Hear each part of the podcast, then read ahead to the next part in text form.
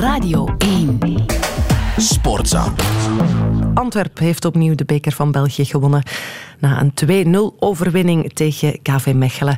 Dat heeft Peter van den Bemt uiteraard van dichtbij gevolgd. Hè. Goedemorgen Peter. Goedemorgen.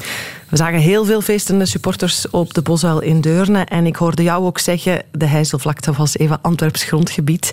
Na een logische overwinning, toch? Ja, heel duidelijk overwinning inderdaad. Antwerpen was gewoon veruit de betere ploeg. Gewoon, ja, meer kwaliteit.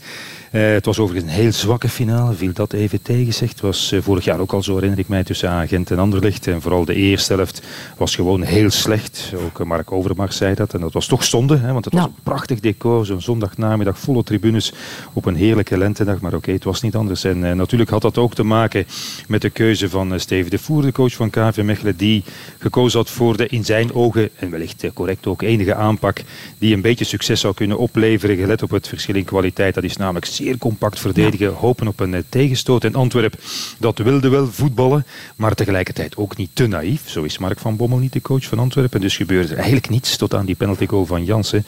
En daarna was Mechelen, ik zei het, gewoon niet bij machten om iets terug te doen. En uh, verdedig, dat kan Antwerp natuurlijk. 26e clean sheet al van het eh, seizoen, op 46 matchen geloof ik. Dat is wel wat. En toen Mechelen ja, dan toch even moest gaan aanvallen, kwam er meer ruimte, waar de kansen ook weer voor Antwerp. Dus uh, nee, een echte wedstrijd.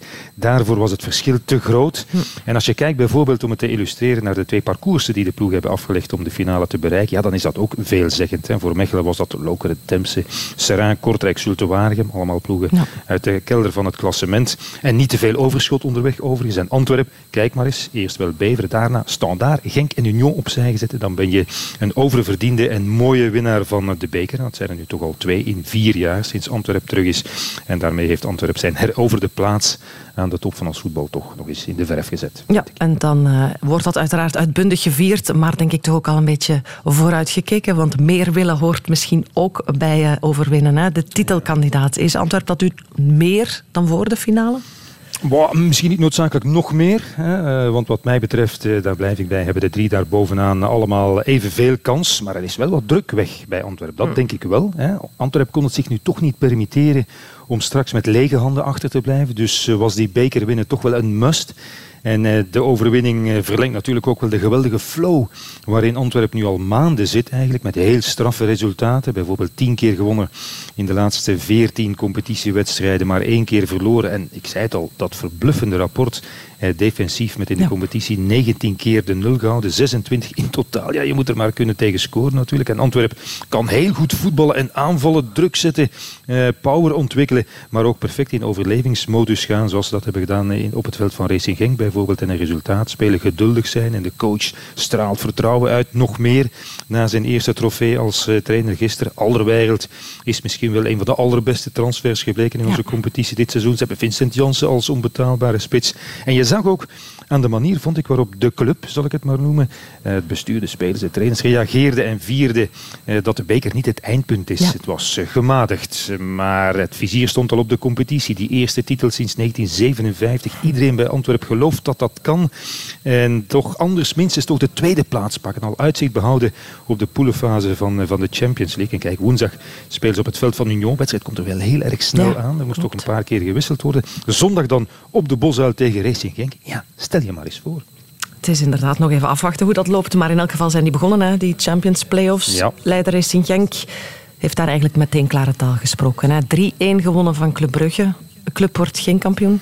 Nee, dat kunnen we nu voor de volle 100% eh, zeker zeggen. Ze hadden geloof ik 0,6% kans, dus eh, nu is dat helemaal 0,0 geworden. Inderdaad, eh, het was overigens wel een, echt een heel goede wedstrijd. Wat een contrast met die bekerfinale. Maar Club Brugge heeft er wel alles aan gedaan om in de race te blijven. Begonnen zoals dat moest voor een ploeg die een grote achterstand moet inhalen. Weten dat eigenlijk enkel een overwinning op het veld van Racing Genk goed genoeg is. En Club bevestigde in een, in een sterke eerste 15, 20 minuten zijn goede evolutie van de voorbije weken onder Rick de Mil. Die heeft het echt wel goed gedaan mm -hmm. daarbij bij Club.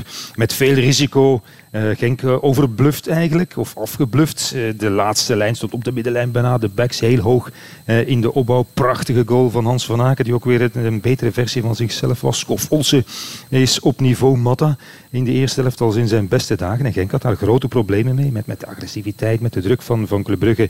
En dan was er één moment waarop Noah Lang Munoz dan liet lopen en mhm. scoren. En ja, dat zette Racing Genk dan weer op het juiste spoor. En wat de competitieleider nadien op de mat zette, ja, dat was ronduit indrukwekkend, uh, overrompelend uh, in de tweede helft.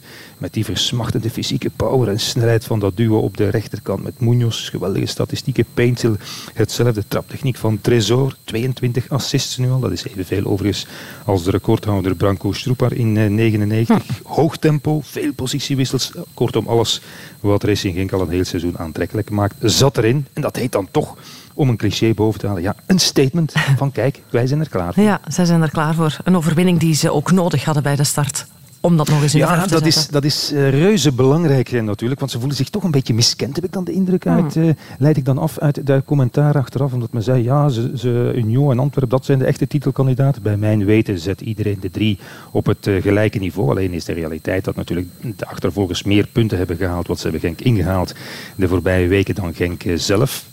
En het is voor zo'n zo'n eh, competitieleider die eigenlijk de hele tijd eh, vooraan staat belangrijk om die eerste wedstrijd te winnen. Om Club Brugge, wat ik zei, al uit te schakelen eh, voor, voor de strijd om de titel. En als je weet dat Racing Genk nu moet gaan voetballen bij uh, Antwerpen en bij Union, ja, dan moet je natuurlijk je thuiswedstrijden winnen. Maar vooral de manier waarop Racing Genk dat heeft gedaan en wat Wouter Franke terecht aangaf. Ik ben fier dat ik ook in moeilijke omstandigheden en onder druk trouw ben gebleven aan mijn principes. Genk is blijven voetballen zoals dat al het hele seizoen doet. En als je dat dan kan afsluiten met een overwinning tegen Club Brugge, ja, dan geeft dat extra vertrouwen, denk ik alleen.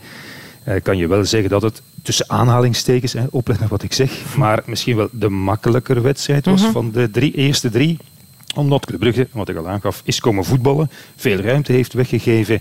En daar Genk heeft van kunnen profiteren. En we weten allebei, dat hebben ze zelf ervaren, Genk in die thuiswedstrijden, dat eh, Union en Antwerpen dat op een andere manier gaan aanpakken. Maar in elk geval, het was een eh, kanonstart van de competitie. De kop is er in elk geval af. Afwachten hoe dat verder loopt. Dankjewel voor nu, Peter van den Bent. Sportza.